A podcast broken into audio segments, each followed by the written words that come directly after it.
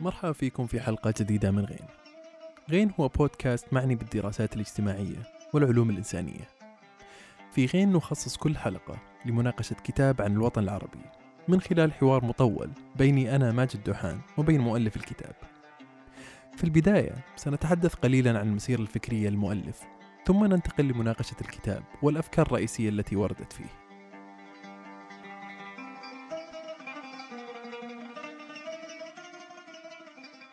في الأسابيع الماضية شهدت الجزائر والسودان حركات احتجاج واسعة انتهت بسقوط كل من بوتفليقة والبشير. بعض المعلقين أطلق على هذه الاحتجاجات الموجة الثانية للربيع العربي والبعض الآخر رفض هذا الوصف معبرا عن رفض التسليم بمآلات الربيع العربي قبل ثمان سنوات ومصائر الدول العربية. هذه النظرة التي يعتبرها البعض متشائمة ستكون هي محور حديثنا في هذه الحلقة. حيث نناقش كتاب الدكتور أيمن البغاني من جامعة القيروان في تونس البلد الذي انطلق منه الربيع العربي عنوان كتاب الدكتور أيمن هو الخريف العربي في التناقض بين الثورة والديمقراطية وفيه يقدم الدكتور محاججة شيقة عن العلاقة المتوترة بين الثورة والديمقراطية وعن مدى إمكانية الأولى على توليد الثانية فهل تولد الديمقراطية من رحم الثورة؟ أم أن الثورة هي دوما الأمة التي تأكل أبنائها؟ هذه الأسئلة وانعكاساتها على ما نشاهده اليوم في الجزائر والسودان هي ما سنناقشه في هذه الحلقة. ولكن أولا نبدأ بالتعرف على ضيفنا ومسيرته الثقافية قبل أن نناقش تفاصيل كتابه مرحبا فيك دكتور. مرحبا بك وتحية لك ولجميع المشاهدين. أيمن قبل أن نبدأ في الحديث عن الكتاب. آه، أود قبل ذلك أن أتعرف على الطريق اللي قاد تونسي من البلد الوحيد اللي يقال لنا أن الديمقراطية نجحت فيها إلى كتابة كتاب بعنوان الخريف العربي. أين كانت المولد والنشأة الأولى؟ وكيف كان التعليم في المراحل الأولى قبل انتقالك لدراسة الدكتوراه؟ اولا أنا آه، عمري 37 سنة ولدت عام 1981 كنت ولدت في تونس تونس آه، العاصمة. آه، فقدت البصر في السنة السادسة من عمري. تعلمت وصلت الدراسة في معاهد مختصة بالمكفوفين لما حصلت على شهادة التعليم التعليم الثانوي انتقلت إلى فرنسا درست الترجمة. ثم تخصصت في قسم الإنجليزية ودرست الاقتصاد والسياسة في المجال في مجال البلدان الناطقة باللغة الإنجليزية. آه، كان بحثي حول عن الدكتوراه حول موضوع الجيو اقتصاد يعني علاقة الاقتصاد بالاستراتيجية وكيف يرتقي الاقتصاد إلى سلاح استراتيجي وجيوسياسي. آه فيعني كانت الدكتوراه بدأتها في سنة في سنة 2006 2007 ثم تقريبا خلصتها في سنة 2011 وسنة 2011 معروفة عندنا في تونس آه هي سنة الثورة فكانت في العالم آه العربي. في العالم العربي يعني ولكن بدأت في تونس. فكان كان إتمامي التحضير للدكتوراه توافق مع بداية مع بداية الثورة.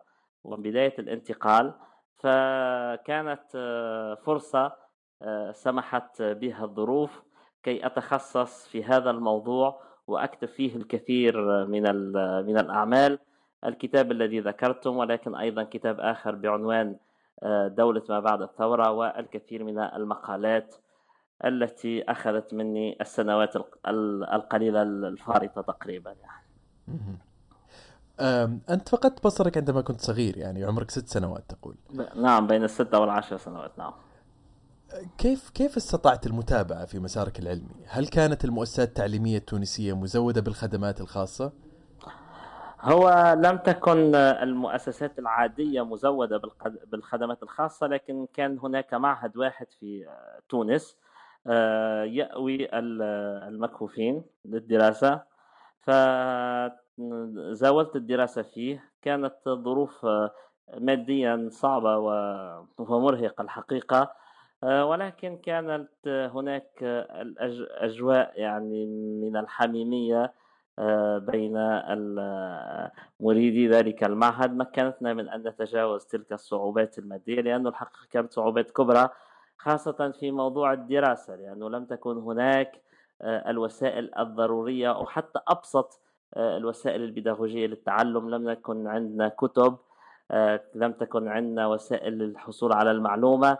فالحقيقة كان المجهود الذاتي هو الذي يغلب على العمل وخاصة شهادة للتاريخ ولأصحاب الحقوق علينا. هناك بعض الأساتذة الذين كانوا يدرسون في ذلك المعهد وأكثرهم من المبصرين. كانوا بذلوا مجهود خرافي أحيانا في تعليمنا وهو ما مكننا. على الأقل مكن البعض منا. أنا أعتبر نفسي من هؤلاء المحظوظين.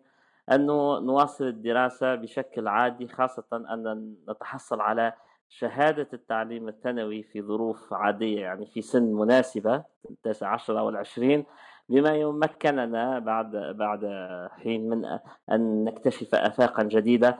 طبعا الانتقال آه، في حالتي أنا شخصيا من تونس ومن ذلك المعهد إلى إلى فرنسا إلى جامعة السوربون.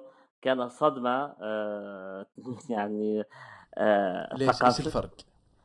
لا لأنه المعهد كان يقوم على نوع من الحمائية لأنه كان فيه نوع نسبيا مغلق ولم نكن قد اكتسبنا ما يكفي من الخبرة الاجتماعية. ثم أنا تحديدا كان عندي إشكال إني بحكم عدم وجود آه، الوسائل البيداغوجية خاصة آه، من وسائل تعليم كال كالقواميس وغيرها من وسائل العمل لم أستطع أن أتعلم بشكل موفق اللغة الفرنسية واللغة الإنجليزية مما آه، شجعني على أن أقوم بمغامرة قامرت فيها الحقيقة ربما بكل المستقبل ولكن كانت ناجحة. وهو أن وهو أني أزاول ترجمة أني أختار أن أتعلم الترجمة رغم أني آه، نقطة ضعفي الكبرى في ذلك الوقت كانت آه، اللغات الأجنبية. آه، اخترت هذا الاختيار رغم علمي بأني لا أحبذ كثيرا العمل, العمل هذا العمل يعني الترجمة. ولكن حرصا مني على أن أتعلم اللغتين في نفس الوقت. دفعت بنفسي في ذلك المخاض وكان كانت سنوات آه، صعبة ولكن كانت مفيدة جدا. استطعت أن أتجاوز من خلالها آه، تلك الصعوبة في تعلم اللغات الأجنبية. ثم بعدين عدت لأصل الاهتمام وأصل اهتمامي هو المسائل الاقتصادية والسياسية والتاريخية والاستراتيجية. فأنت الآن يعني تتقن العربية والإنجليزية والفرنسية. أتقنهم أتقنها بقدر بقدر ما أستطيع. العربي مذهل يعني في الكتاب ما شاء الله. لا لا لا تبالغ كثيرا. يعني هو أعلم أني أني أني أكتب بشكل جيد في اللغات الثلاثة وأتكلمها بشكل جيد. ولكن طبعا من الضروري العمل من أجل تحسين تحسين المستوى دائما. كي لا يستريح الإنسان إلى مستوى لأنه الذي لا يتقدم لا لا يستطيع أن يحافظ على مستواه. يجب أن نتقدم كي لا نتأخر. آه طيب بخصوص الدراسة في آه، مؤسسات تعليمية الأكفاء في في آه، في تونس كيف تقارنها بفرنسا؟ كيف اختلفت التجربة آه، لشخص غير مبصر في الدراسة بين بلد عربي كتونس وبين فرنسا؟ ما الذي اختلف عليك؟ طبعا أنا درست في جامعات عادية في في فرنسا درست في جامعة السوربون. كنت الشخص الوحيد في المعني بهذه المشكلة آه، في الجامعة كلها. آه، فطبعا الوضع كان مختلف تماما لأنه هناك سهولة في لما تكون مجموعة في نفس الوضعية يعني تكون البنية آه، موجهة لخدمة تلك المجموعة. هذا الوضع كان في تونس. صح. آه، ولكن في المقابل كان كما قلت آه، وسائل العمل منعدمة. فهناك إيجابية من حيث أنه الجميع كان كنا في نفس الوضعية. ولكن من حيث الظروف لم تكن تساعد على إنجاب الكثير من النجاحات على المدى الطويل. المهم في فرنسا كان الوضع مختلف لأنه أنا كنت الوحيد المعني بالموضوع هذا كان تحدي. ولكن في المقابل وجدت ظروف ووجدت إمكانيات كانت منعدمة عندي في تونس. وهو ما يفسر النهم الذي ألقيت بكل حملي في فيه في سبيل التحصيل والتعلم خاصة في السنوات الأولى لأنه كان فعلا تعطش. يعني أنا أذكر أول شيء فعلته أني اشتريت قاموس باللغة الفرنسية. هو يسمى يعني من حيث الطرافة يسمى القاموس الصغير. ولما تحول إلى إلى طريقة بريل تحول إلى إلى 13 13 جزء. يعني كل جزء هو أربع أو خمس مرات أضخم من من القاموس الأصلي كله يعني. ولكن هذا هذا القاموس كنت أشتغل به يعني مدة ستة أو سبعة أشهر تقريبا. كنت أشتغل يعني ب... ب... لا أبالغ إن كنت أقول أني لا أشتغل أقل من ثمانية عشر ساعات في اليوم. آه، فهذا مكنني من أن أتدارك ثغرات كثيرة في وقت نسبيا وجيز. آه، وساعدني أن أتحصل في السنة الأولى التي كانت هي أصعب سنة تقريبا. آه، أن أتحصل على ال على ال المقعد الأول أو في في الصف اللي أنا كنت فيه آه، فكان هذا بداية التغيير والنجاح في في فرنسا. أنت تخرجت من جامعة السوربون عن إيش كانت الرسالة؟ رسالة الدكتوراه كانت عن تاريخ الإمبراطورية البريطانية في زمن التجارة الحرة من 1846 إلى 1932 تحليل جيو اقتصادي وهذا كان تبع إيش التخصص كان؟ هو تخصص تخصص حضارة بريطانيا حضارة في اللغة في البلدان الناطقة باللغة الإنجليزية اختصاص تاريخ اقتصاد. يعني هي هي رسالة دكتوراه في تاريخ الاقتصاد ضمن قسم الإنجليزي وإيش كانت إيش كنت تحاول تسوي في الرسالة؟ إيش كان الموضوع بال الموضوع الموضوع هو آه آه محاولة تطبيق آليات ما يسمى بالجيو اقتصاد على حالة تاريخية وهي حالة الإمبراطورية البريطانية زمن التجارة الحرة. الجيو اقتصاد هي نظرية وهو مصطلح و... و... ومفهوم ظهر في آخر القرن العشرين لإعادة تحديد العلاقات أو تعريف العلاقات الدولية في سياق معولم وفي سياق تجاوز الحرب الباردة وفي سياق ما جاء من حديث عن نهاية التاريخ و آه، إلى آخره من النظريات التي أثبتت شيئا من التهافت بعد بعد ذلك. آه، المهم أنه في تلك الفترة آه، كان هناك آه، نقاش بين الجيو اقتصاديين والجيو سياسيين الجيو اقتصاديين كانوا يقولون أن العالم الآن أصبح يقوم على المنافسة الاقتصادية حصرا. والجيوسياسيين يقولون أن العالم سيبقى دائما آه، جغرافيا وجيوسياسيا بامتياز. فأنا تفطنت إلى أن هناك ثغرة في في هذا الحوار في هذا النقاش لأنه كلا الطرفين قبل بأنه الجيو اقتصاد هو شيء جديد وأنه ظهر في آخر القرن العشرين بحكم الظروف الاستثنائية. فأنا لما تفحصت الآليات التي طرحها جيو اقتصاديين من قبيل إدوارد ديتوارك في أمريكا وباسكال لوغو في فرنسا شعرت بأن هذه الآليات هي ليست بتلك الجدة التي ذهب إليها كلا الطرف كلا الطرفان. فاقترحت أن أسعى إلى تطبيق هذه الآليات على حالة تاريخية وهي حالة الإمبراطورية البريطانية في زمن التجارة الحرة وكيف تطورت الإمبراطورية البريطانية وتأقلمت مع زمن التجارة الحرة. 1846 كان تاريخ إزالة الحواجز الجمركية الحمائية على الزراعة في بريطانيا وتعريض الزراعة البريطانية للمنافسة والزراعة البريطانية هي طبعا بالنسبة لبريطانيا كانت تعتبر منتوج استراتيجي بامتياز بالنسبة لدولة إمبراطورية.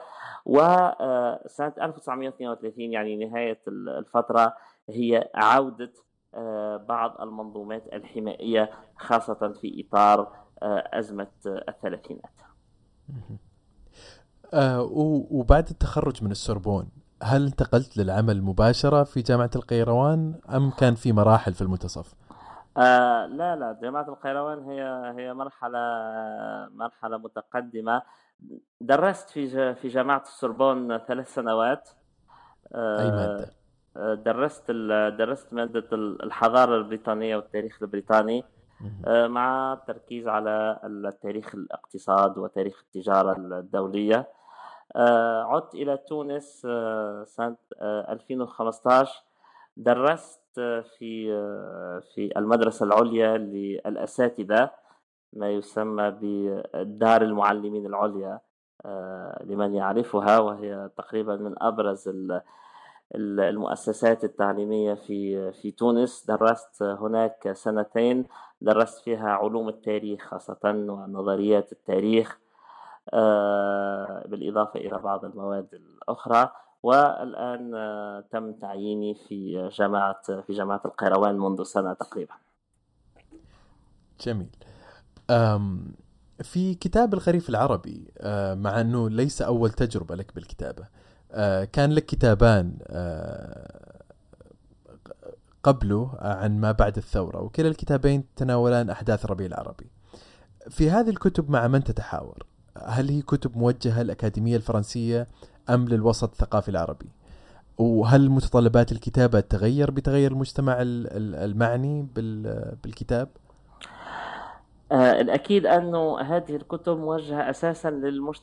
للعالم العربي ولذلك كتبت آه، خاصة دولة ما بعد الثورة وكتاب الخريف العربي كتبت بالعربية لأني حين أريد أن أتحدث مع المجتمعات الغربية أكتب بالفرنسية والإنجليزية وعندي في ذلك العديد المقالات وحتى الكتب. إذا هو الكتب موجهة موضوع الثورة والانتقال الديمقراطي. هذه مسائل لا تهم كثيرا حسب رأيي المجتمعات الغربية لأنها مجتمعات ما زالت مستقرة في في في دولها وفي أنظمتها السياسية. رغم بعض الضغوطات والتطورات الراهنة التي يمكن أن نذكرها بعدا يعني حين ندخل في تفاصيل النقاش.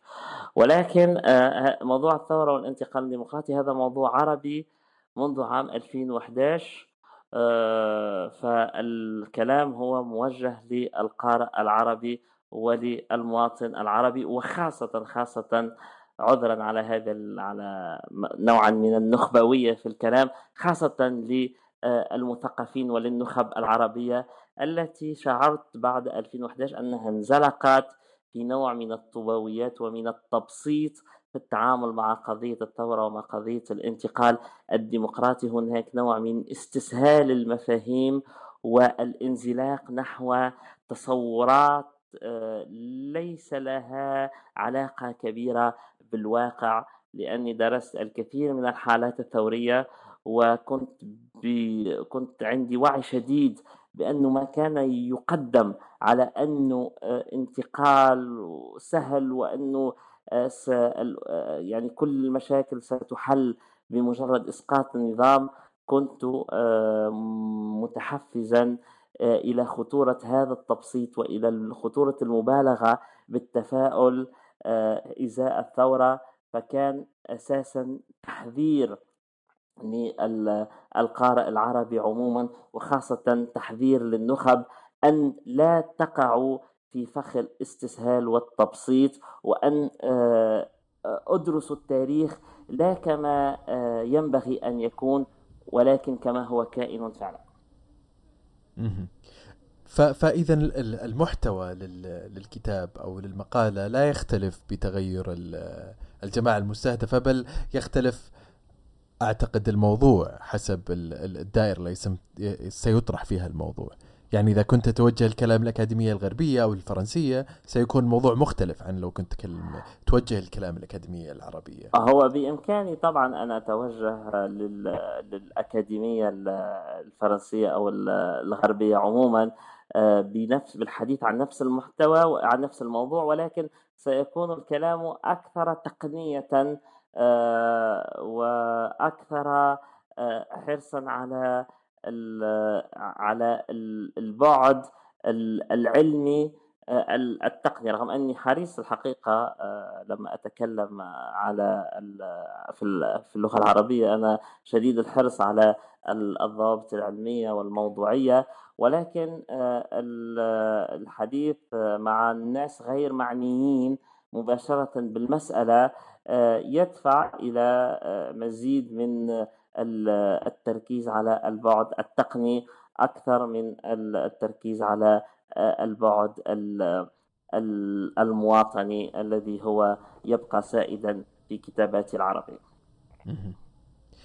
آه في في بداية الكتاب تقول أن الاهتمام بالسياسة في العالم العربي أقوى منه آه في العالم الغربي وأن كلما تطور النظام السياسي قل الاهتمام الشعبي بالسياسة. لماذا اخترت أن تبدأ الكتاب بهذه الملاحظة؟ لأن العالم العربي أشعر بأنه عنده هوس بالسياسة وهناك قناعة عميقة آه، فيها إيجابياتها وسلبياتها أن السياسة هي موطن الداء وموطن الدواء آه، فهذا هذه القناعة تجعل المواطن العربي في نفس الوقت عنده تفاؤل كبير تجاه السياسة بما أنه يرى فيها الحل ويرى أنه في حل مشكلة المشكلة السياسية في العالم العربي. يمكن الخروج بها عالمنا العربي من حال إلى حال هذا هذا موطن التفاؤل. ولكن في المقابل هذا التفاؤل يخفي وراءه تشاؤما عميقا. لأنه ينتهي إلى القول بأن السياسة بما أنها لا تحل والسياسة كما يعلم آه، مختصوها وعلماؤها ودارسوها أنها لا تنتهي إلى حل. السياسة دائما هي حالة من التوازن قصير المدى التوازن غير المستقر التوازن الذي آه، يسعى إلى أن يجد نفسه دون أن ينتهي إلى ذلك إلى تلك الغاية. فهذه هذه هي السياسة. فالتعويل بشكل مطلق على الحل السياسي في العالم العربي يخفي وراءه نوعا من اليأس من إمكانية التغيير. أنا لا أنكر أهمية السياسة ولكن أرى خطرا وتشاؤما في التعويل عليها بشكل مطلق وربما آه، جاء الوقت كي آه، نجد وسائل أخرى للتغيير. في أول سطر من الكتاب تقول حين تكون السياسة مصدر المصائب يميل الإنسان إلى الاعتقاد بأنه كائن سياسي أساسا. ونعرف أن أرسطو يقول أن الإنسان كائن أو حيوان سياسي بينما يقول ابن خلدون أن الإنسان كائن مدني. ما رأيك بهذين القولين مقارنة بقولك؟ أنا أرى أنه الحديث عن الإنسان في مطلقه أمر لا يقدم كثيرا بالتفكير. أظن أن الإنسان الأرسطي والإنسان الخلدوني مختلف نسبيا على الإنسان في القرن الواحد والعشرين. الإنسان الإنسان في القرن الواحد والعشرين هو إنسان آه، تأثر بشكل راديكالي بما يسمى بالتصنيع وبتحكم الإنسان أو إيمان الإنسان بقدرته على أن يهزم الطبيعة ويسيطر عليها. ديكارت يقول أن الغاية هو الهيمنة على الطبيعة. إذا هذا هذا هذا العنصر الأول. والعنصر الثاني أن الإنسان أصبح يميل إلى نوع من الفردية التي تجعله في تناقض آه، كبير أحيانا بين بعده الاجتماعي وبعده السياسي من جهة وبعده الفرداني وبعده المصلحي من جهة أخرى. اذا هناك توتر كبير يعيشه الإنسان الإنسان المعاصر. عبر عنه الفيلسوف الفرنسي في القرن التاسع عشر بنجامين كونستون بطريقة رائعة حين ميز بين حرية القدامى وحرية المحدثين. يقول بنجامين كونستان أن الحرية في القدامى الحرية الأرسطية يعني هي حرية جماعية. بمعنى أنه وعشناها نحن العرب في في فترة الاستقلال. يعني عرفنا الحرية بأنها خروج من الاستعمار مثلا. هذه حرية جماعية. ولكن هذه حرية القدامى. ولكن حرية المحدثين كما يقول بنجامين كونستان هي حرية ال ال الإفلات من قبضة السياسة ومن فعل الدولة على الفرد. وهناك توتر بين حرية القدامى وحرية المحدثين بمعنى أنه المبالغة في تلك الفرد الفردانية تفقد الإنسان آه، بعده الاجتماعي آه، والسياسي بما يجعله في حالة تيه وضياع.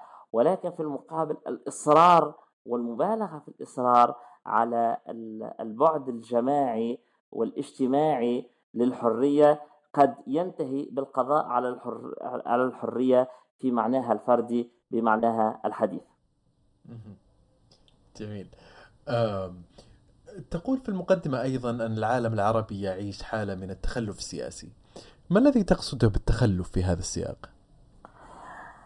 العالم العربي مشكلته أنه عاش آه، حقبة آه، طالت الحقيقة آه، بين نمطين من السياسة وهما نمطان لا يعبران عن حقيقة السياسة. النمط الأول هو نمط مساندة الأنظمة القائمة بمعنى الاحتماء بقوة الدولة وقوة الأنظمة وربما أحيانا حتى قوة السلاح آه، هذا النمط الأول. النمط الثاني هو المعارضة المطلقة باعتبار أنها معارضة للدكتاتورية القائمة مطالبة بتغيير النظام إما في اتجاه آه، يعني ايديولوجي أو في اتجاه ليبرالي يعني تعويض الدكتاتورية بالديمقراطية أو ربما تعويض الدكتاتورية بنظام آخر آه، لأنه الذي يطالب بإسقاط نظام لا يحتاج إلى تعريف مشروعه. عادة هو يقول أنا أنا أدافع على الديمقراطية وعلى الحرية وعلى المساواة. يكفيه أن يرفع شعارات آه، فيها آه، حد كبير من العمومية كي يكتسب ما يحتاجه من الشرعية في سياق الدكتاتورية. وبالتالي كانت ال ال القيم أو كانت الشمائل المطلوبة في العمل السياسي آه، بسيطة. آه، القيمة الأولى بالنسبة للنمط الأول هي الانضباط إلى منظومة الحكم. والقيمة الثانية هي الشجاعة آه، تحت نظام حكم بن علي مثلا أو غيره من الأنظمة الدكتاتورية أهم شيء يتمتع به السياسي هو أن يكون شجاعا وأن يكون آه، السياسي المعارض أتكلم. أن يكون شجاعا وأن يكون مستعدا لربما آه، المغامرة بحياته وحتى عائلته. آه، إذا توفرت هذه القيمة بحكم أن الصراع هو صراع كليات وصراع قيم قيم كبرى لا يحاسب على مشاريعه أو على آه، كيفية آه، الوصول إلى الغايات التي يقترحها.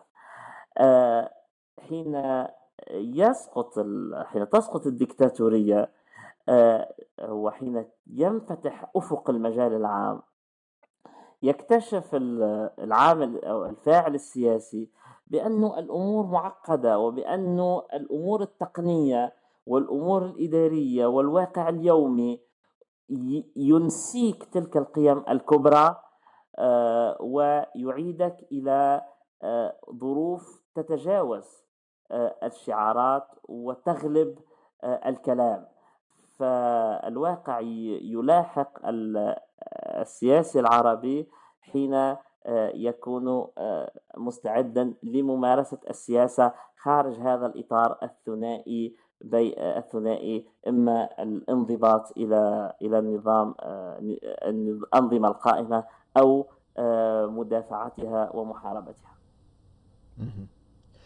آه، هناك جملة ملفتة في الفصل الأول تقول فيها أن الثورة تغيير غير شرعي للسلطة ولا تتفق مع جوهر الديمقراطية. ماذا تقصد بهذه الجملة؟ لا يمكن لأي دستور أن ينظر لسقوطه، كل الدساتير حين تقرأها هي مكتوبة بلغة تكاد تكون مطلقة ولغة تكاد تكون أبدية. الدستور حين يقول أن تلك الب... ذلك البلد هو نظام جمهوري ولا يقول نظام جمهوري إلى أن يأتي ما يخالف ما يخالف ذلك. وبالتالي لا يمكن تقنين تقنين إسقاط النظام وتغييره بالثورة. وبالتالي الثورة هي بالضرورة تكون خارج الأطر القانونية أي أنها لا تتمتع بالشرعية الإجرائية. في المقابل حين تنتصر الثورة تكتسب نوع من المشروعية الأخلاقية وهو مشكل حقيقي آه، لأن المشروعية الأخلاقية حين تكون في تضارب مع الشرعية القانونية آه، هناك توتر يحصل بين البعدين. المفروض أنه بعد إسقاط النظام آه، يعني لو تحدثنا على ما ينبغي أن يكون يتوقع أن يعود الجميع إلى الأطر القانونية لأنه لو لم نعد إلى الأطر القانونية قد ننزلق إلى الفوضى. وسنتحدث آه، بعدين ربما عن نماذج الثورة المختلفة. آه، إذا الإشكال هو آه، من يحدد متى تنتهي تلك المشروعية الأخلاقية ومتى ينبغي أن نعود للانضباط للشرعية القانونية؟ هذه النقطة الأولى. النقطة الثانية عن علاقة الثورة بالديمقراطية. أنا أقول أنه هناك خطأ في في النموذج في الباراديجم الحقيقة هو عادة ما تقدم الثورة على أنها بداية لعهد جديد. وأنا أقول أن الثورة هي نهاية لعهد قديم. آه، قد لا يفهم السامع الفويرقة أو الفرق بين أن تكون نهاية لعهد جديد لعهد قديم أو بداية لعهد جديد. الفرق هو أنه حين ننسب الثورة للعهد القديم نجعلها نتيجة لتكلس نظام لم يستطع أن يتطور ولم يستطع أن أن يتقدم. وبالتالي أن يكون يكون تقييمنا هو أن النظام الفاشل هو النظام الذي يؤدي إلى ثورة. بمعنى أن الثورة هي فشل نظام.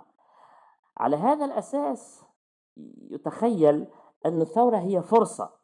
في الحقيقة حين ندرس التاريخ كما هو ونرى ماذا يحدث بعد الثورات ما أسميه بالسياقات الثورية أو السياقات ما بعد الثورية نجد أن هذه السياقات مليئة بالمخاطر. أحيانا ما تؤدي إلى ديكتاتوريات ثورية أحيانا ما تؤدي إلى ديكتاتوريات عسكرية أحيانا ما تؤدي إلى الاحتراب وربما الانزلاق إلى الحرب الأهلية. أحيانا قليلة ما تؤدي مش إلى ديمقراطية ولكن إلى انتقال ديمقراطي وهي حالة رخوة آه، يمكن في أي لحظة أن تنزلق آه، نحو آه، الدكتاتورية الثورية والعسكرية من ناحية أو الاحتراب والانزلاق للحرب الأهلية من ناحية من ناحية أخرى. إذا إذا هذا الانتقال الديمقراطي اللي هو حالة رخوة يعني بالضرورة ضعيفة هي بين بين المطرقة والسندان يهددها عن يمينها عن يمينها طموح القوى القادرة على ممارسة الدكتاتورية ويهددها عن يسارها آه، آه، خطر انفراط العقد الاجتماعي والانزلاق نحو الاحتراب وعندنا الكثير من الأمثلة الحقيقة في التاريخ تثبت آه، ما صعوبة إدارة الفترة ما بعد الثورة أها. آه، تحدثت في الفصل الأول عن المؤامرة والزبائنية وعلاقتها بممارسة المواطنة بالمعنى السالب ما هو المعنى السالب المواطنة؟ كيف تكون المواطنة بمعنى سالب؟ هو آه، هذا الحديث جاء عن آه، تصوري لكيفية نشأة الدكتاتورية واستقرارها هناك آه، ميكانيزمات تشترك فيها حسب رأي جميع الأنظمة الدكتاتورية.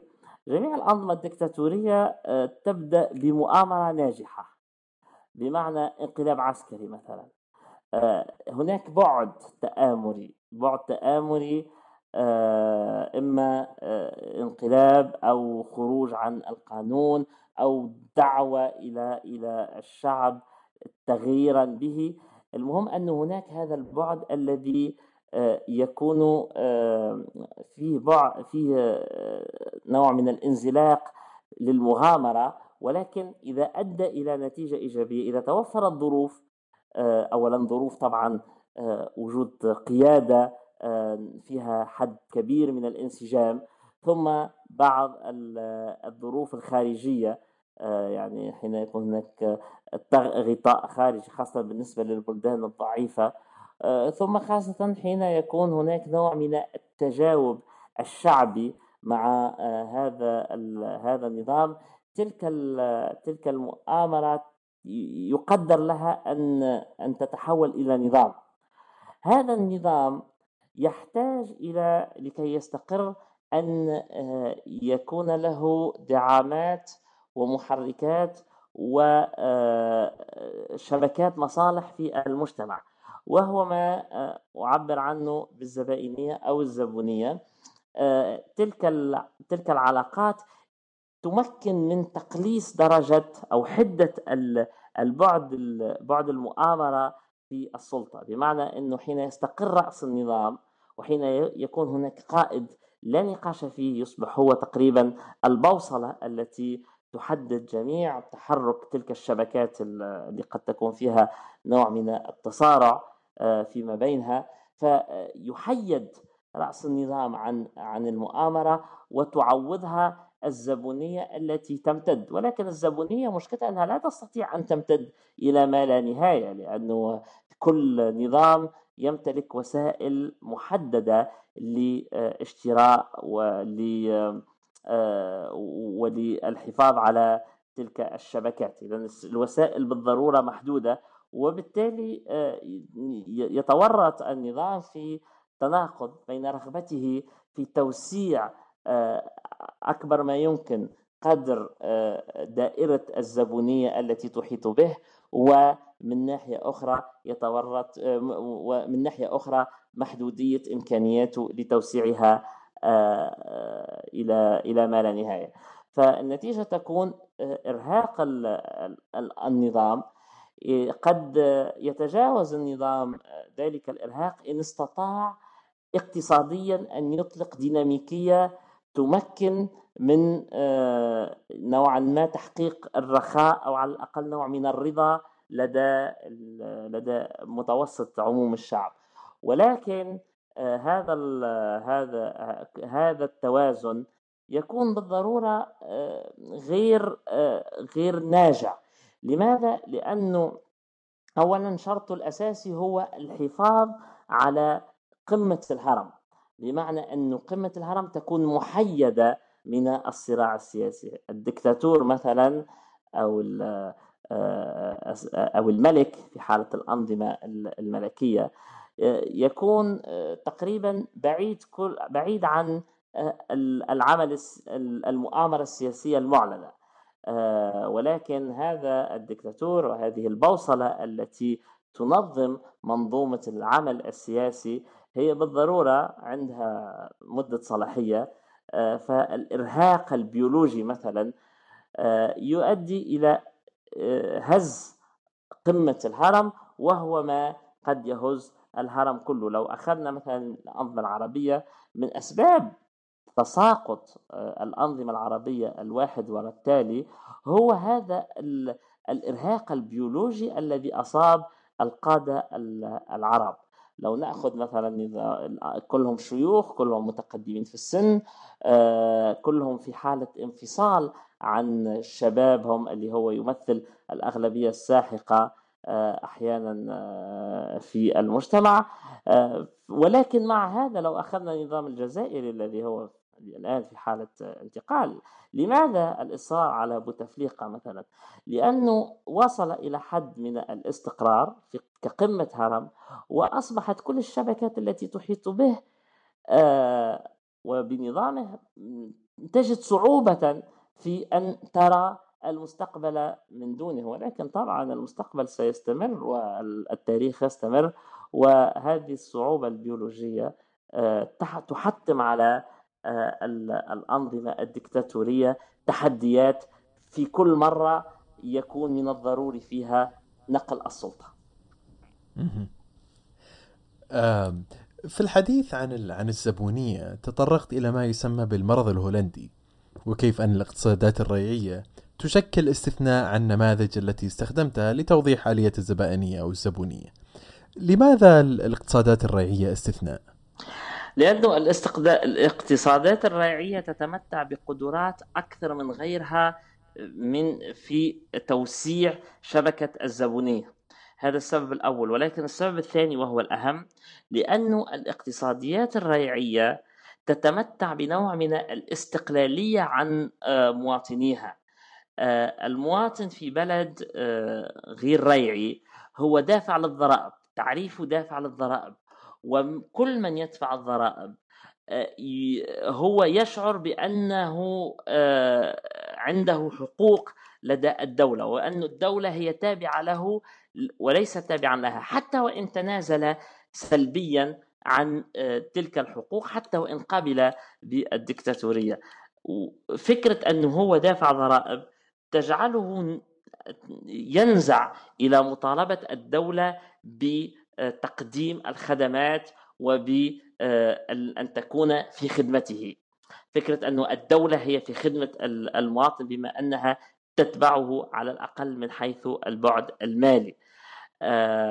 لكن في الأنظمة الريعية كما تعلم آه، الدول آه، عادة لا تأخذ ضرائب من المواطنين بالتالي المواطن ليس دافع ضرائب بالعكس المواطن هو يأخذ من عند الدولة الدعم وأحيانا الأجرة من دون عمل بحكم توزيع الثروات الريعية وهو ما يمكن الأنظمة الريعية أن تكون أكثر قدرة على توسيع شبكة الشبكة الزبونية من من غيرها من الأنظمة آه، الدكتاتورية غير الريعية.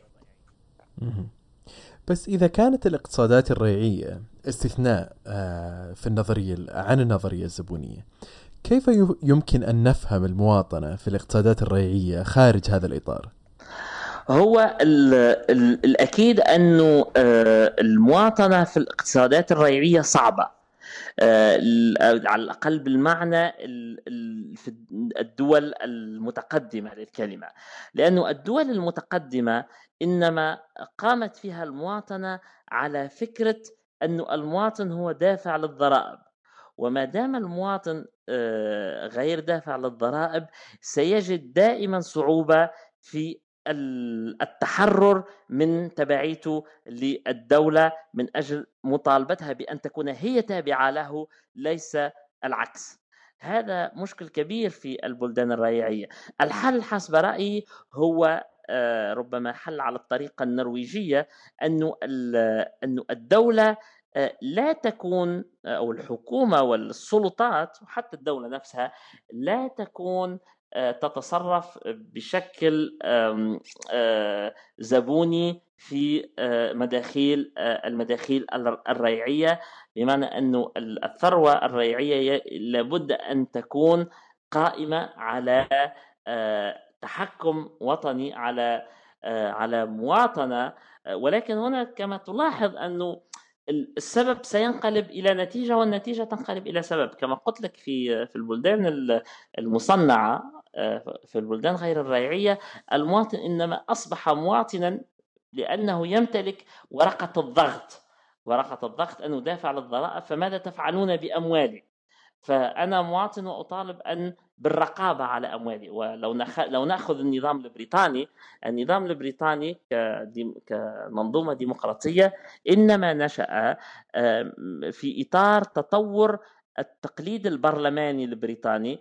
البرلمانيات البرلمان البريطاني هو كان نظاما ارستقراطيا يطالب فيه أصحاب الأرض الأرستقراطيون الملك بمراقبته في التصرف في الأموال التي يدفعونها له. ثم تم توسيع دائرة تلك الصلاحيات التي يتمتع بها البرلمان وتوسيعها تدريجيا أدى إلى اولا إقحام طبقات من غير الأرستقراطيين في عملية الرقابة ثم أدى خاصة إلى مطالبة السلطة التنفيذية بأن لا تكون الرقابة فقط على الأموال بأن تكون الرقابة أيضا على من يمارسها وبالتالي تم الانتقال من آه، مراقبة الملك إلى اختيار آه، الحاكم أو في هذه الحالة اختيار الحكومة وبقاء الملك آه، في وظائف رمزية غير سياسية وغير سيادية. هذا هذه هي المواطنة. لكن في المقابل لو كان الملك مستقلا آه، أو لو كانت الدولة مستقلة عن عن المواطن كدافع ضرائب آه، لابد طبعا من كسر تلك تلك الاستقلالية من أجل انشاء المواطنة ولكن الياتها تكون صعبة بصراحة. عودة للكتاب. تطرقت عند حديثك عن البلدان العربية قبل الربيع العربي. آه، بأن البلدان العربية وصلت تدريجيا إلى الخلط بين النظام والدولة. برأيك ما الذي تسبب في إنتاج هذا الخلط؟ الذي تسبب في الإنتاج في إنتاج هذا الخلط هو أولا وضعية موضوعية هو أنه آه، النظام قريب من الدولة بطبيعته. يعني لأنه النظام يسبق الدولة بخصائصه. لو كان النظام ديكتاتوري فالدولة آه، يعني كبيروقراطية المفروض أنها تكون محايدة ستتصرف وفقا لإرادته. إذا كان النظام آه، يعني آه، ينخره الفساد فالدولة أو الإدارة مثلا غيرها من مؤسسات الدولة التي هي المفروض أنها تتمتع بسلطات وصلاحيات ولكن غير سياسية أيضا ستتأثر بتلك الخصائص. وبالتالي هناك قرب يعني معنوي وقرب حتى مادي بين النظام والدولة. هذا العنصر الأول. العنصر الثاني وهو الأهم في الحالة العربية هو أن الأنظمة قد وضعت آه، يديها على الدولة ومقدراتها واعتبرتها في كثير من الأحيان غنيمة حرب. آه، وبالتالي آه، كان من الصعب من الصعب جدا أن يكون هناك تمييز بين الأنظمة والدولة إذا إسقاط النظام آه، وبقاء الدولة كان شعارا آه، رفع في تونس وفي مصر وفي غيرها. ولكن كما لاحظنا بعد آه، التمييز كان صعبا وصعبا جدا. آه، تقول في الفصل الثاني أن آلية التوريث في الأنظمة الجمهورية العربية كانت عائق آه، على انتصار الثورة كالحالة السورية مثلا. ما الرابط بين انتصار الثورة والتوريث في الأنظمة الجمهورية إذا ما نظرنا الحالة التونسية مثلا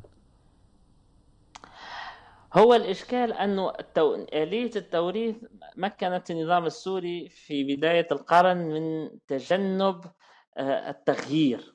آه، يعني مكنت آه، نظام الأسد من أن يستمر حتى بعد وفاة القائد الذي كما قلت هو تم تحييد تحييده أو تحييد موقعه من المنافسة التآمرية على على السلطة وهو الضامن إذا على هذا الأساس لاستمرار آه، النظام ولعدم الصدام المفتوح بين شبكات المصالح التي تخترقه. هذا آه، هذا البعد الأول. آلية التوريث تمكن من إنشاء نوع من الاستمرارية حتى عند الإنهاك البيولوجي للقائد. بالنسبة للوضعية التونسية مثلا استفادت تونس من عدم وجود وريث لبن علي طبعا أنا لا أتصور أن تونس كانت ستقبل بوريث لبن علي ولكن من يدري؟ يعني لا أستطيع أن أتحدث عن ما هو على ما كان يمكن أن يكون.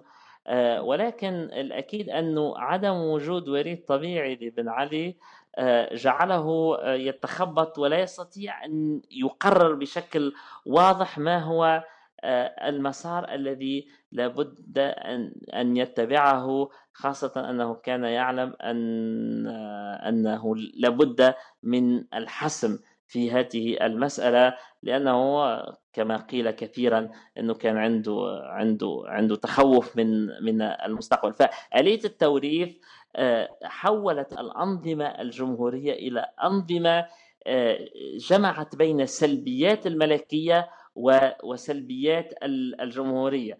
بمعنى أن سلب ما هي سلبية الملكية؟ سلبية الملكية هو أن الملك هو تقريبا يعني فوق المنافسة السياسية وبالتالي آه، خاصة إذا كان ديكتاتوريا آه، أو سلطويا هو آه، يحكم بأمره حاكم بأمره. وسلبية الأنظمة الجمهورية أنها فيها نوع من عدم الاستقرار البنيوي. لأنه النظام الجمهوري في عمومه لا يوفر آلية واضحة لانتقال السلطة. آه، فمن ناحية النظام التوريث يمكن من تجاوز هذه الصعوبة ولكن من ناحية أخرى يجعل النظام أمام تناقض آه، أمام تناقض مع ذاته. فهذا أمر كان غير مقبول وكان من الواضح أنه أثر كثيرا في دعوة الجماهير واستدعاء الجماهير للمخاطرة بنفسها حين حين آه، بداية أحداث الثورة في 2011 في آه، في غير تونس طبعا لأن يعني تونس حالة خاصة في هذا الموضوع لم يكن هناك مشكلة التوريث في تونس على الأقل مش بشكل مباشر. كان هناك سعي لنقل السلطة لأحد أصهار الرئيس وهو شكل من أشكال التوريث آه، ولكن آه، لم تتح الفرصة للنظام التونسي كي كي ينفذ ذلك المشروع.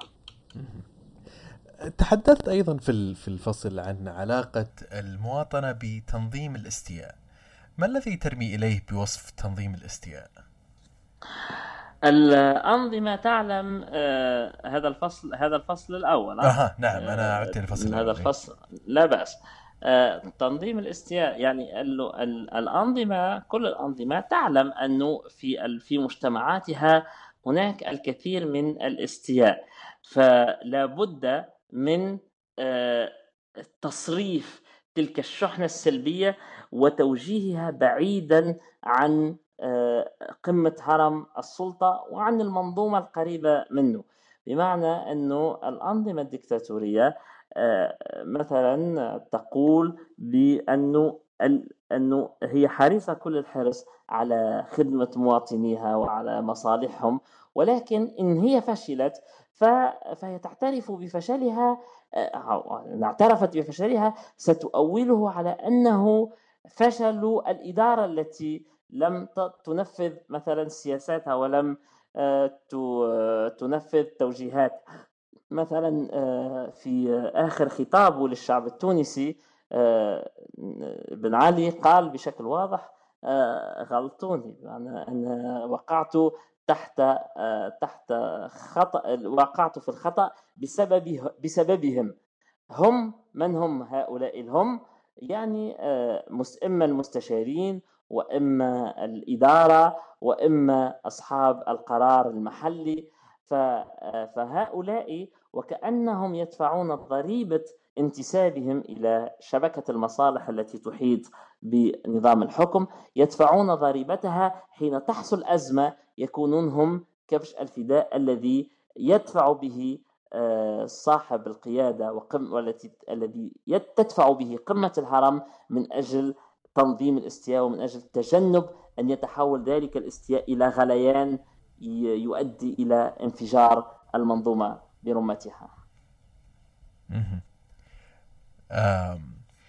تحدثت عن إشكالية صياغة الدستور في الحالة الثورية أه بأن يصبح الدستور مفصل لظروف معينة أه ولكنك أيضا تحدثت عن الثورة وانقلابها على ما قبلها. كيف توافق بين هذا هذه الحالتين؟ هما حالتين متوافقتين بطبيعة بطبيعتهما لأنه مشكلة الدستور هو أنه آه، حين يكتب يكتب آه، بنفسية من يتحدث مع مع الزمن السرمدي مع الزمن الأبد الأبدي. يكتبه صاحبه ويكتبه يكتبه أصحابه بلغة آه، تكون غير محدودة في في الزمان آه، وطبعا هي محدودة في المكان بحكم السلطة الجغرافية للدولة المعنية ولكن غير محدودة في الزمان. وهو ما يضع إشكال الحقيقة. كيف يمكن أن تكتب في لحظة من اللحظات ما هو يعني أبدي أو يطمح إلى إلى الخلود؟ هذا إشكال. الدساتير التي تستمر والتي تقاوم الزمن تكتسب آه، نوع من القدسية آه، التي تجعلها محصنة عن النقد وعن المراجعة. لماذا؟ لأن ظروف صياغتها قد نسيت. بمعنى في تونس مثلا أو في مصر أو في أي بلد يعني حقيقة أنا ممكن أعطيك أمثلة حتى من من التاريخ الغربي. مثلا الدستور الأمريكي حين كتب كتب في سياق معين وكتب في إطار صراعات آه، بين آه، مجموعة من من أصحاب المصالح آه، التي كانت تريد أن أن بعد إخراج المستعمر البريطاني من الولايات المتحدة الأمريكية كانت ال ال كان هناك اضطراب وكان هناك نوع من الارتباك في إدارة السلطة. فوضع الدستور الأول ما يسمى the Articles of Confederation يعني دستور الكونفدرالية الأول آه، كان دستورا آه، غير آه، غير مركزي كان دستورا غير فيدرالي حتى كان دستور كونفدرالي بمعنى أنه لا يعطي صلاحيات تقريبا لنظام للنظام الوحدة التي تجمع بين الولايات المتحدة. على فكرة لذلك تسمى الولايات المتحدة الأمريكية United States لماذا تسمى United States لأنه في الدستور الأول الذي آه، تم اعتماده عام 1777 وخاصة ثم تم تأكيده عام 1781 كانت الولايات المتحدة الأمريكية عبارة على دول آه، متعاونة مع بعض ربما نشبهها اليوم بالاتحاد الأوروبي وكانت كل دولة تعتبر نفسها دولة مستقلة حتى أنه الدولة الهيئة أو الكيان الموحد بينها لم يكن له حق أن يجمع الضرائب أو أن أن يؤسس لجيش لجيش موحد أو موحد. فهذا هذا الوضع أدى بمس... أدى إلى إلى اضطرابات كثيرة. فاجتمعت بعض المصالح السياسية المتنفذة خاصة في الدول أو المقاطعات خلينا نسميها آه، التي كانت متضررة من الاضطرابات ومن ضعف الدولة وتم إعادة صياغة دستور جديد آه، هو الدستور الذي تم اعتماده سنة 1989 آه، وتم تمريره بظروف صعبة وصعبة جدا الحقيقة يعني كانت تقريبا معجزة أن يمر ذلك الدستور.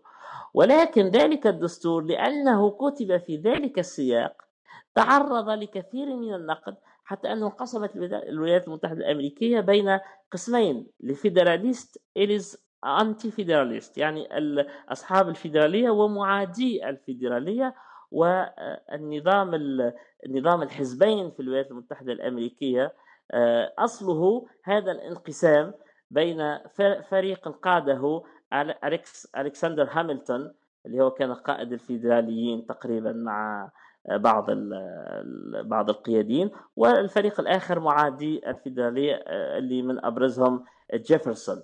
فهذا الانقسام والانتقادات الشديدة التي تعرض لها دستور الولايات المتحدة الأمريكية كان يمكن أن يطيح بالدستور في السنوات الأولى حتى أنه عندنا وثائق تتحدث آه، يتحدث فيها قياديو تلك المرحلة على تساؤلهم هل سيستطيع أن يعيش ذلك الدستور ثلاث سنوات أو أربع سنوات. يعني فذلك الدستور حين تجاوز تلك الفترة صحيح. ونسيت نسي سياق كتابته آه، ونسي ذلك الصراع الذي أحاط بكتابته. استطاع ذلك الدستور أن يكتسب هيبة وأن يكتسب قدسية جعلته آه، يستقر. الحقيقة أجبتك عن سؤال الدستور ولكني نسيت السؤال الآخر الذي سألتني عليه. فساعدني لو سمحت. لا لا لا ليس. ما هي مشكلة؟ أنا كنت كنت أبغى أشوف يعني كيف ممكن أبني علاقة بين بين الحالة الثورية وبين كتاب الدستور. فأعتقد آه بالضبط. مهم. أجبتها بشكل مهم مهم جدا. كما قلت لك آه، وفي لكي أعيد الفكرة ولكن باختصار شديد أنه الدستور سياق الدستور في في سياق ما بعد طويل هو سياق مضطرب سياق صراعات سياق تفكير في مصالح سياق كل كلمة في الدستور ربما تتحول إلى ساحة حرب وإلى إلى سبب للصراع.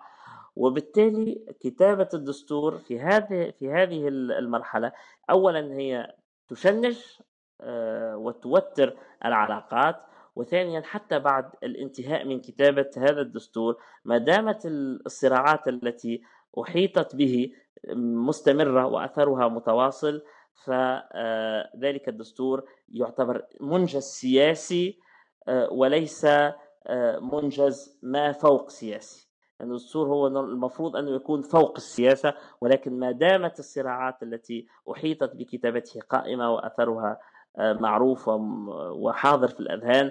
الدستور يعتبر رهان سياسي ولا يستطيع أن يتجاوز تلك العقدة وتلك العقبة إلا باكتسابه آه، لحصانة الزمن والقدسية التي آه، تترافق مع حصانة الزمن.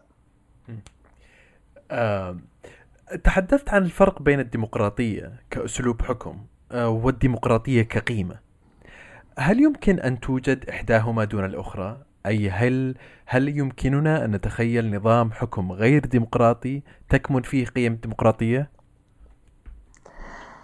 من الصعب الإجابة بال... بال... بالإجاب على هذا السؤال المفروض أن آه، القيم الديمقراطية هي مرتبطة بنظام الحكم الديمقراطي ولكن المشكل أن الخلط بين الديمقراطية كقيم كبرى والديمقراطية كنظام حكم آه، هو خلط بين المثل والواقع. آه، ما هي ما هي العلاقة بين المثل والواقع؟ العلاقة بين المثل والواقع هو أن الواقع لا يخضع للمثل. أنه حتى في النظام في أي نظام ديمقراطي موجود الآن لو آه، نقيس الواقع القائم بالمثل التي يدعي ذلك الواقع تمثيلها لفشل الواقع في التعبير عن المثل وعن القيم الديمقراطية. وهو مشكل حقيقي حين تبني ديمقراطية. حين تبني ديمقراطية في بلد غير ديمقراطي مثلا نأخذ تونس مثلا. أه، هل أنت تعتمد كمعيار لبناء الديمقراطية المثل الديمقراطية أم تعتمد الأنظمة الديمقراطية القائمة التي هي في حد ذاتها آه، لا تعبر بشكل آه، سليم وبشكل آه، يعني مثالي عن المثل التي تدعي الاعتماد عليها أو أو التعبير عنها. هذا إشكال حقيقي وهو تحدي من أصعب التحديات أظن في بناء الديمقراطية. لأنه لو اخترت الحل الأول لو اخترت أن تتبع المثل ماذا سيحصل؟ سيحصل أنك ستعود تقريبا إلى الصفر وستبدأ من المثل الإغريقية للديمقراطية كي تكتشف أنها غير قابلة للتطبيق ثم تبدأ نوع من المسار المضني الطويل الذي خاضه غيرك وبالتالي أنت لا تستفيد من تجارب التاريخ وتقع في أخطاء جربت وأدرك أصحابها ما ما تتسبب فيه من مشاكل.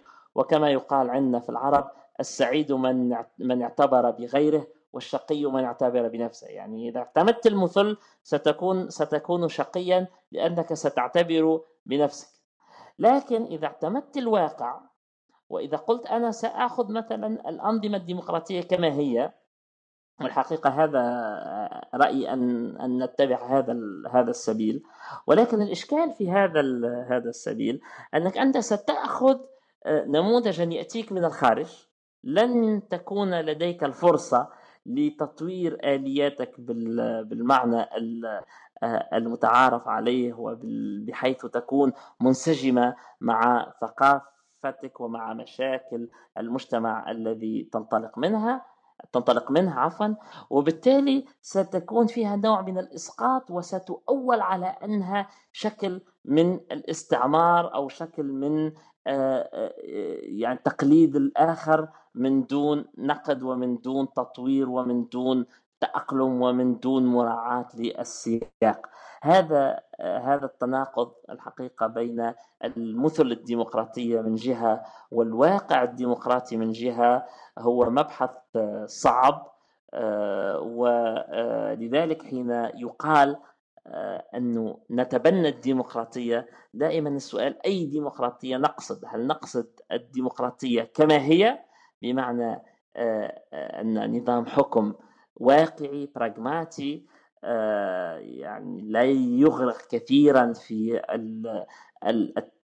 التفاؤل بالسلطة وبالقيم. حتى التي يتبناها كنظام ديمقراطي أما أننا نتحدث عن القيم الديمقراطية التي تتحدث عن مسائل مطلقة من قبيل سلطة الشعب وحكم الشعب نفسه بنفسه إلى آخره من الشعارات التي آه، فيها آه، التي يجد الشعب صعوبات كثيرة في تنزيلها على الواقع. آه، في الكتاب يتكرر تلميحك إلى اعتقاد الجماهير العربية بقدرة قادتها المطلقة على التغيير وأن انعدامه ما هو إلا ضعف في الإرادة باعتباره وهما خاطئا لماذا تراه وهم؟ أليس الأمر كذلك بالفعل؟ أم أنه أكبر وأكثر تعقيد من مجرد إرادة فاسدة آه لا ترغب بالتغيير؟ آه، الأكيد أنه أكبر من ذلك بكثير لأنه الواقع العربي الحقيقة يتجاوز آه، مشكلة الإرادة السياسية.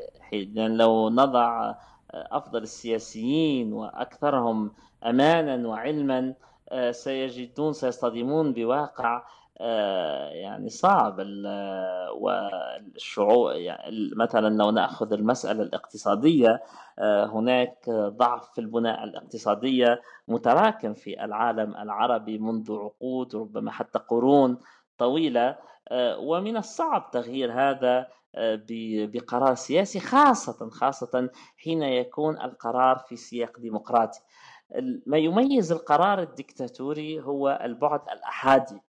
بمعنى إنه آه، لو توفر الأفضل والأعلم والامن آه، وأراد أن يستخدم آه، السلطات المطلقة التي يوفرها له وضعه كدكتاتور أو كحاكم مطلق التقدم يكون سريع. مثلا أخذ مثال الاتحاد السوفيتي بعد بداية التجربة الشيوعية في مرحلتها الأولى كانت تجربة دموية وكانت تجربة كارثية ولكن اقتصاديا آه، كان هناك تطور رهيب آه، بمعنى أنه حركة التصنيع التي شهدتها روسيا وشهد الاتحاد السوفيتي في العشرينات والثلاثينات حولت روسيا تقريبا من بلد يعني آه، متأخر جدا على صعيد التصنيع إلى بلد في ظرف أقل من ثلاث عقود تحول إلى آه، قطب صناعي وإلى القوة آه، العظمى الثانية في في ذلك آه، في ذلك الوقت. وبالتالي تلك القوة السياسية وتلك الأحادية سرعت بمعنى أن الاتحاد السوفيتي تقريبا أنجز في 30 سنة. ما كانت الدول المصنعة قد أنجزته في في قرن ونصف تقريبا من الزمن. وبالتالي ذلك التسريع آه، ممكن في إطار في إطار الديمقراطية مهما يكن صاحب السلطة هو بالضرورة مضطر للتقيد بالإجراءات الديمقراطية وبالتفاعل مع آه، العناصر الكثيرة التي تحيط به كعنصر في إطار منظومة ديمقراطية تعددية. وهذا التفاعل آه، يبطئ العملية يبطئ الانتقال يجعل من الصعب جدا تحقيق نهضة آه، سريعة وإطلاق ديناميكية آه، يعني تختصر الزمن. بالعكس الديمقراطية تبطئ كثيرا والإجراءات خاصة وبقد ما تضعف الديمقراطية. يعني في الانتقال الديمقراطي تكون الديمقراطية في أضعف حالاتها وبالتالي يزيد الزمن بطئا. في المقابل إذا تكرست الديمقراطية وأصبحت آه، نظاما آه، مستقرا ميزتها أنها قد تكون بطيئة ولكن مكاسبها تكون محفوظة. أو على الأقل أكثر حفظا آه، على المدى المتوسط والبعيد. أها آه يقول البعض يعني أن ما الثورة في في الجزائر وفي السودان اليوم هي تكملة أو جزء من الربيع العربي. آه ما رأيك بهذا القول؟ الأكيد أنه المنطق العام لما يحدث في الجزائر وما يحدث في السودان هو نفسه آه الذي حرك آه العالم العربي في 2011 و 2012 آه لأنه الجزائر والسودان آه طبعا كل حالة عندها سياقها الخاص ولكن ما يجمع بين كل هذه الأنظمة هو أننا نعيش كلنا في نفس الزمن في القرن الواحد والعشرين. القرن الواحد والعشرين هو زمن لا شك أن الديمقراطية أصبحت فيه أيديولوجيا مهيمنة. بمعنى أنه أي نظام غير ديمقراطي هو نظام بالضرورة معرض آه، لخطر المساءلة ولخطر الإسقاط. لأنه لأنه في القرن الواحد والعشرين يصعب لأي نظام أنه يبرر وجوده آه، من خلال مثلا آه، هرمية طبيعية أو من خلال آه، إعاشة يعني تغذية الناس على أساس أنهم كيانات بيولوجية غير آه، غير قابلة للمواطنة وغير قابلة لحقوق الإنسان. هذه القيم أصبحت قيم منتشرة جدا آه، بحكم يعني تسرع تسارع التاريخ بحكم اختصار المسافات ربما بحكم غياب المسافات على الأقل في العالم الافتراضي. ثم هناك عنصر ثاني وهو إنه العلاقات في القرن العشرين كانت علاقات هرمية بامتياز. آه، يعني السلطة المركزية آه، التلفزيون واحد أو اثنين على أقصى تقدير المذياع هناك إذاعة أو اثنين بالتالي مصدر المعلومة ومصدر الفعل آه، ممركز بشكل كبير. مع عالم الإنترنت وظهور العالم الافتراضي حصل انفجار في مراكز الفعل. وأصبح كل شخص تقريبا عنده في حدود إمكانياته جزء من الفعل. فانتقلنا من علاقات هرمية إلى علاقات أفقية آه، تفاعلية. آه، فهذا الوضع الجديد يمكن من اختراق آه، حاجز الصمت ومن كسر حاجز الخوف وهو ما لا يريح طبعا الأنظمة التي آه، تقوم على آه، منطق سلطوي لأن المنطق السلطوي هو أقرب إلى الهرمية منه إلى البعد الأفقي آه هل هناك أي مشاريع أو كتب قادمة تعمل عليها؟ أكيد ماذا لديك؟ آه أنا الآن تقريبا أنهيت كتاب آه، جديد عن عن الذكاء الاصطناعي وتأثيره آه، في آه، في الاقتصاد والسياسة في في العصر في العصر الحالي. هذا الكتاب يعني أنهيت تحريره وإن شاء الله سيظهر في الأسابيع والأشهر القادمة. أرجو أرجو أن تكون العملية سريعة ولكن آه، الجزء الذي يرتبط بعملي قد تم إنجازه فبقي عمل الآخرين. آه، نرجو من الله أن أن لا يطيلوا كثيرا عملهم. إن شاء الله. والكتاب سيصدر بالعربية؟ نعم هو كتاب هو كتاب بالعربية عن آه، الذكاء الاصطناعي. تعريفا ولكن خاصة تأثيرا. آه، يعني بيان البنية الجديدة للاقتصاد العالمي آه، وكيفية آه، التعامل معها أو على الأقل الصعوبات التي تطرحها. أنا نظرية الكتاب تنطلق من فكرة أن العالم قد أصبح مفتوح اقتصاديا بمعنى أن الفعل الاقتصادي أصبح عالمي. ولكن القرار السياسي لا يزال في عمومه محكوما بالمجال الجغرافي. إذا عندك أبعاد تجاوزت قيود الجغرافيا خاصة الاقتصاد والتكنولوجيا وأبعاد أخرى خاصة السياسة وغيرها من أشكال السلطة مثلا البعد القضائي مثلا. آه هذه ما زالت محكومة بالجغرافيا وبقيودها. آه وهذا التفاوت يجعل القرار السياسي يعني مقزما أو مكبلا لأن تأثير القرار السياسي لا يستطيع أن يقارن أو أن يوازي تأثير الفعل الاقتصادي. لو أخذنا مثالا بسيطا يمكن أن تفرض مثلا اليوم ضرائب مرتفعة على رجال الأعمال في بلد كالولايات المتحدة أو فرنسا أو ألمانيا. ولكن هذا القرار السياسي آه، يؤدي إلى ردة فعل. ردة فعل أنه, أنه رجال الأعمال يغادرون البلد ويذهبون إلى آه، جنة ضريبية أو إلى آه، بلد آخر يرحب بهم دون ضرائب يعتبرونها هم مشطة. وبالتالي فالفعل السياسي الذي ذكرت آه، يتسبب في عكس النتيجة التي آه، يريدها. هنا يفرض ضرائب هو المفروض أنه يفرض ضرائب لكي يحسن من وضعية ميزانية مثلا.